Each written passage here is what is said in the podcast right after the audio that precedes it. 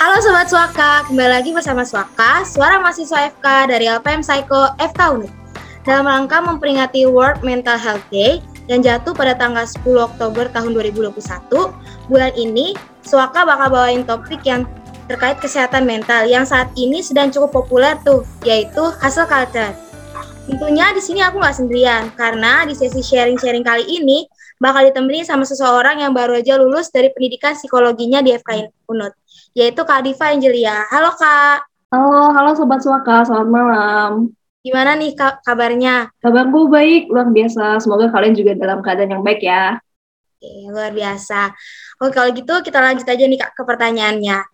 Kalau kita lihat-lihat nih, saat ini kayaknya fenomena hustle culture ini lagi viral ya di sosial media.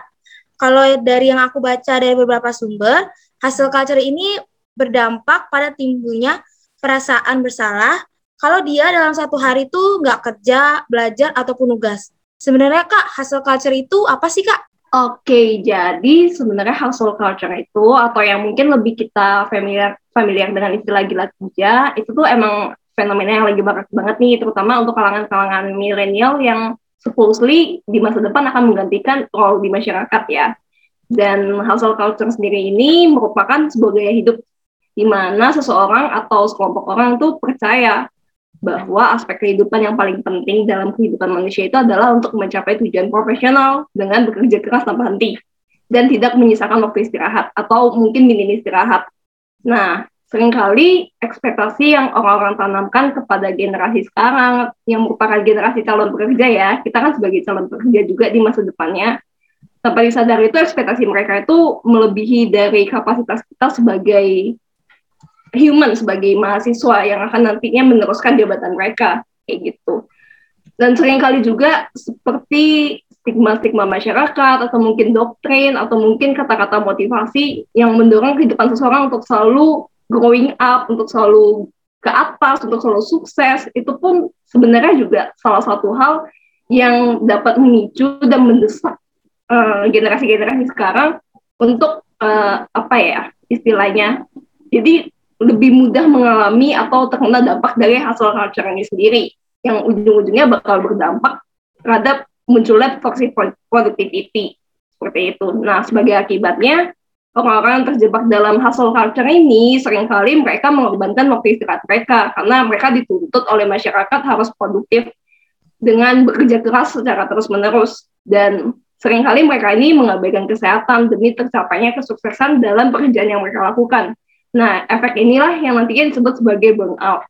Nah, kurang lebih sih begitu untuk gambaran dari hasil culture itu ya. Oke, Kak. Wah, menarik ya.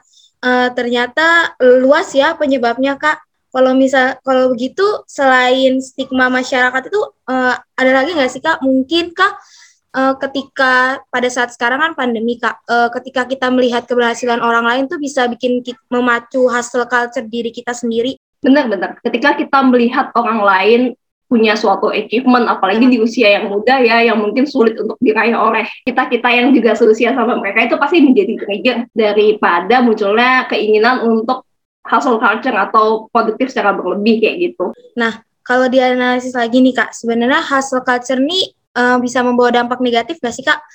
Karena ini kan meningkatkan produktivitas individu. Kalau dilihat dari segi psikologi atau kesehatan mentalnya, budaya gila kerja ini sebenarnya gimana kak dampaknya?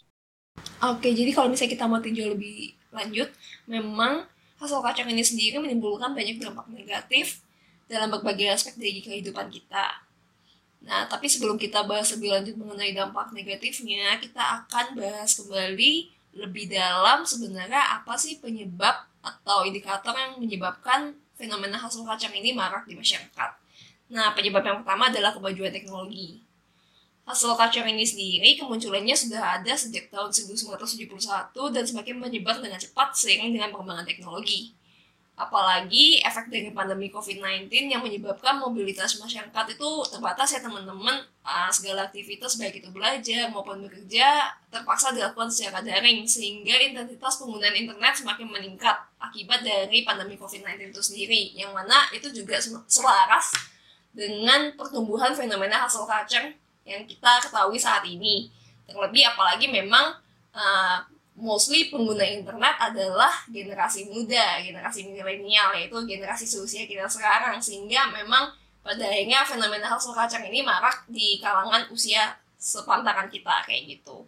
Kemudian yang kedua seperti yang tadi sudah disinggung Novi ya sedikit tentang ketika kita melihat achievement orang lain, apakah itu menjadi trigger dari kemunculan fenomena hasil culture ya dan efek ini disebut sebagai uh, konstruksi sosial ya teman-teman. Jadi konstruksi sosial kita di masyarakat kita menilai bahwa tolak ukur kesuksesan hidup seseorang adalah dari jabatan atau kondisi finansial yang baik. Itu masih banyak banget ya di, uh, di masyarakat kita sekarang. Orang-orang menilai bahwa kesuksesan itu ya baik secara finansial memiliki pekerjaan yang stabil kemudian posisi yang tinggi Nah, apalagi dampak dari pandemi COVID-19 ini mengalihkan berbagai tugas dan pekerjaan menjadi daring, yang mana ini semakin mendorong pertumbuhan fenomena hustle culture di kalangan masyarakat, khususnya bagi kita sebagai pelajar dan mahasiswa yang sering kali dituntut untuk mampu memberikan kontribusi lebih dibandingkan pendahulu-pendahulu kita, gitu. Apalagi ketika kita melihat orang lain sukses, orang lain seusia kita sudah sukses, sedangkan kita masih stuck di sini aja, itu semakin men-trigger kita untuk kepingin ada di level yang sama dengan mereka kayak gitu. Semakin cepat dan tinggi karir seseorang maka hidupnya disebut sebagai mapan dan mereka semakin dipandang oleh masyarakat.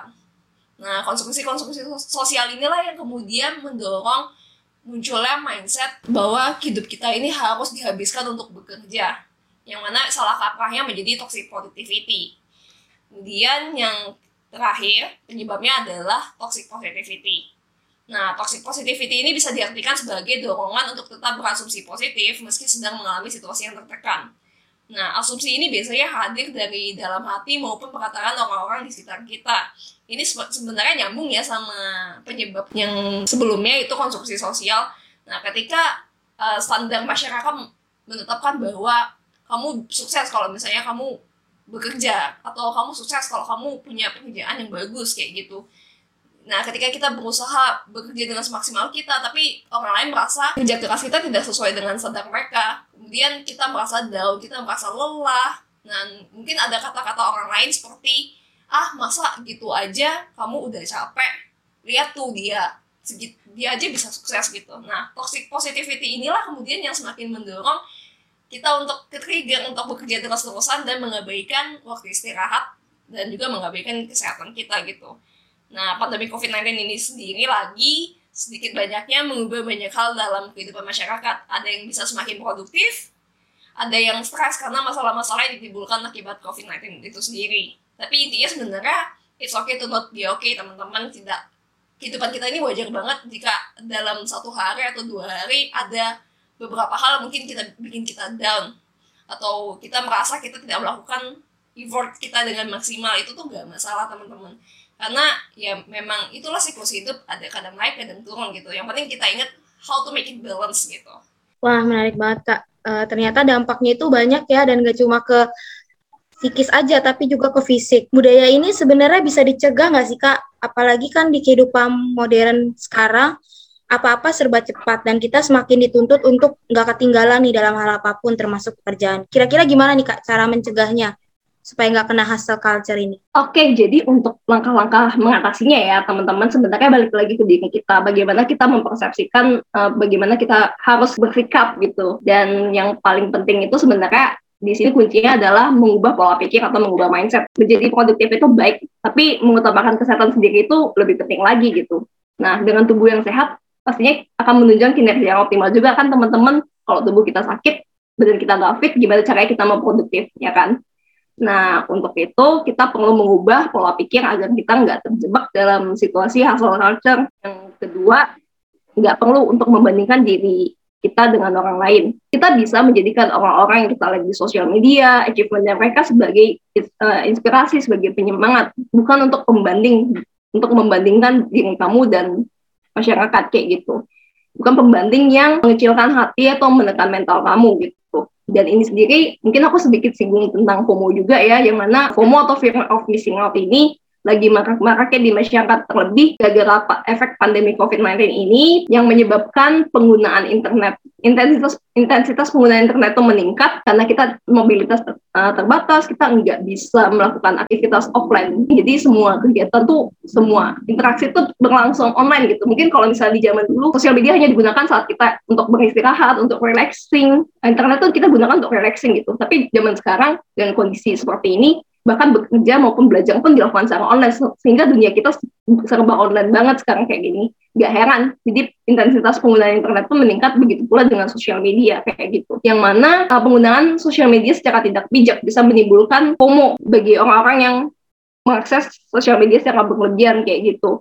Dan FOMO ini dikenal sebagai fenomena di mana seseorang takut untuk ketinggalan tren dibandingkan dengan yang lainnya dan mendorong seseorang untuk melakukan hal yang sama dengan orang lain secara terpaksa. Yang dalam hal ini pun hustle culture yang lagi viral itu menjadi salah satu dampak dari FOMO juga gitu. Karena hustle culture lagi viral, semua orang kayaknya lagi produktif banget bekerja kayak gitu. Masa aku enggak gitu? Kayak kita terbawa tekanan batin bahwa orang lain bisa produktif, kenapa aku enggak? Apalagi banyak banget kan kayak campaign-campaign pada zaman mungkin dari tahun lalu ya campaign-campaign zaman awal-awal covid bahwa kita harus tetap produktif walaupun di rumah aja. Kita harus produktif walaupun uh, kondisi covid kayak gitu. Sehingga tanpa disadari mungkin sudah menimbulkan budaya kerja yang berlebih. Budaya kerja yang berlebih tidak memperhatikan jam yang sepantasnya mendapatkan dampak-dampak negatif dari FOMO maupun hasil culture itu sendiri dan remaja pun itu diketahui memiliki resiko lebih tinggi untuk mengalami FOMO akibat penggunaan sosial media dalam intensitas yang tinggi. Nah, gitu sih. Jadi balik lagi ke awal bahwa nggak perlu membandingkan diri kamu dengan orang lain. Gitu. Kamu perlu ada mindset bahwa kamu fokus untuk dirimu, kamu itu hebat, kamu tuh unik, kamu perlu cara kamu sendiri untuk sukses kayak gitu. Kamu nggak bisa nyamain perjuangan orang lain dengan apa yang kamu lakukan sekarang kayak gitu. Kemudian untuk yang ketiga, ingat waktu untuk santai, waktu untuk istirahat. Nah, hidup itu perlu keseimbangan teman-teman. Kita perlu mengalokasikan waktu untuk bekerja dan bersantai secara seimbang. Kita perlu untuk istilahnya work life balance ya teman-teman. Jadi selain bekerja kita pun juga butuh istirahat. Kita pun juga butuh aktivitas yang lainnya. Kita bisa merencanakan aktivitas yang menyenangkan yang dapat mengembalikan energi kita sebelum kembali bekerja. Seperti melakukan hobi maupun mau melakukan hal-hal lainnya gitu sejenak alihkan perhatian dari keinginan untuk membuka daftar pekerjaan kamu kayak gitu. Kemudian uh, keempat tanamkan mindset bahwa sukses tak hanya diukur dari pekerjaan kayak gitu. Setiap orang memiliki definisi yang berbeda tentunya tentang apa sih sebenarnya arti dari kesuksesan itu sendiri. Walaupun mungkin banyak di antaranya berpikir bahwa keberhasilan dalam karir dan finansial yang baik itu adalah takaran sukses yang ideal gitu. Tapi pada kenyataannya sebenarnya tidak hanya itu gitu ada orang yang mendefinisikan sukses itu bisa mendapatkan ketenangan, bisa mendapatkan relasi yang banyak atau yang lain-lainnya ya. Nah, kerja keras itu nggak selalu menjamin kesuksesan teman-teman. Jadi penting untuk kita mendefinisikan kembali arti dan sukses sesuai dengan gambaran pribadi, bukan berdasarkan standar dari orang lain. Kemudian yang kelima, selalu tanamkan mindset bahwa kesehatan adalah nomor satu. Tanpa kondisi tubuh yang fit dan sehat, tentunya pekerjaan akan jadi terbengkalai dan kita nggak bisa jadi produktif seperti yang tadi aku bilang ya. Dan saat sakit penghasilan yang diperoleh dari pekerjaan pun harus memenuhi kebutuhan pengobatan dan pemulihan. Jadi kayak kita udah bekerja capek tapi abis itu sakit abis itu hasil mungkin income gaji yang kita dapat atau mungkin salary atau income lainnya yang kita dapat tuh harus kita gunakan untuk mengcover biaya pengobatan kita kan jadinya rugi kayak gitu. Dan kayak gitu. Jadi kesehatan itu adalah hal yang utama dan pekerjaan sebaiknya dikerjakan sesuai fungsi dan kapasitas dari masing-masing individu kayak gitu. Lalu utamakan kesehatan baik itu fisik maupun mental itu adalah kunci mungkin kunci-kunci dari eh, untuk mengatasi dari fenomena hasil culture ini sih. Oke, menarik banget kak. Uh, banyak belajar banget pada hari ini. Mungkin uh, bisa aku simpulkan sharing kita pada hari ini itu hasil culture atau istilah yang kita kenal dengan gila kerja adalah sebuah gaya hidup di mana seorang percaya bahwa tujuan hidup tercapai dengan bekerja keras terus-menerus. Tanpa sadar, ekspektasi mereka melebihi ekspektasi mereka sebagai manusia. Seringkali stigma dan harapan masyarakat menjadi pemicu generasi sekarang untuk melakukan hasil culture karena kemajuan teknologi. Penyebab berikutnya adalah toxic productivity, karena ada tuntutan masyarakat yang menyebabkan seseorang melupakan menjaga kesehatannya sendiri dan malah e, gila bekerja. Dampaknya adalah mengalami gangguan kesehatan mental dan burnout. Selain itu, bisa menyebabkan penurunan kesehatan organ seperti jantung koroner dan gangguan pencernaan. Yang terakhir, yaitu kehilangan work-life balance. Nah, cara mencegahnya adalah dengan cara mengubah pola pikir menjadi produktif itu baik, tapi jangan sampai menyakat, menyakiti diri sendiri. Jangan sampai terjebak dalam situasi budaya gila kerja. Yang pertama itu perlu memahami tujuan dari bekerja. Kita bekerja untuk bukan untuk memenuhi ekspektasi orang, tapi untuk memenuhi kebutuhan kita sendiri. Bekerja sewajarnya saja. Yang kedua, jangan membandingkan diri sendiri dengan orang lain. Perlu diingat, setiap orang memiliki garis start dan usaha yang berbeda untuk mencapai sukses. Kemudian bijak dalam menggunakan sosial media, jangan sampai terbawa keproduktifan orang lain itu menjadi hal buruk bagi kita. Yang ketiga, ingat waktu untuk bersantai dan istirahat. Jaga work-life balance agar energi kita untuk kembali bekerja dapat maksimal. Yang keempat, tanamkan mindset bahwa sukses tidak melulu tentang finansial dan karir. Yang kelima, tanamkan mindset kesehatan adalah kebutuhan nomor satu, baik fisik maupun mental. Nah, itu tadi penjelasan mengenai budaya hustle culture yang saat ini sedang populer nih di sekitar kita. Semoga sharing-sharing kita kali ini dapat menambahkan wawasan dan pengetahuan kita semua. Terima kasih untuk Kak Diva karena sudah bersedia menjadi narasumber dan meluangkan waktu untuk bersama Sobat Swaka. Terima kasih karena telah bersedia menyempatkan waktu mendengarkan podcast Waka. Sampai jumpa di episode selanjutnya. Bye. Terima kasih dan sampai jumpa.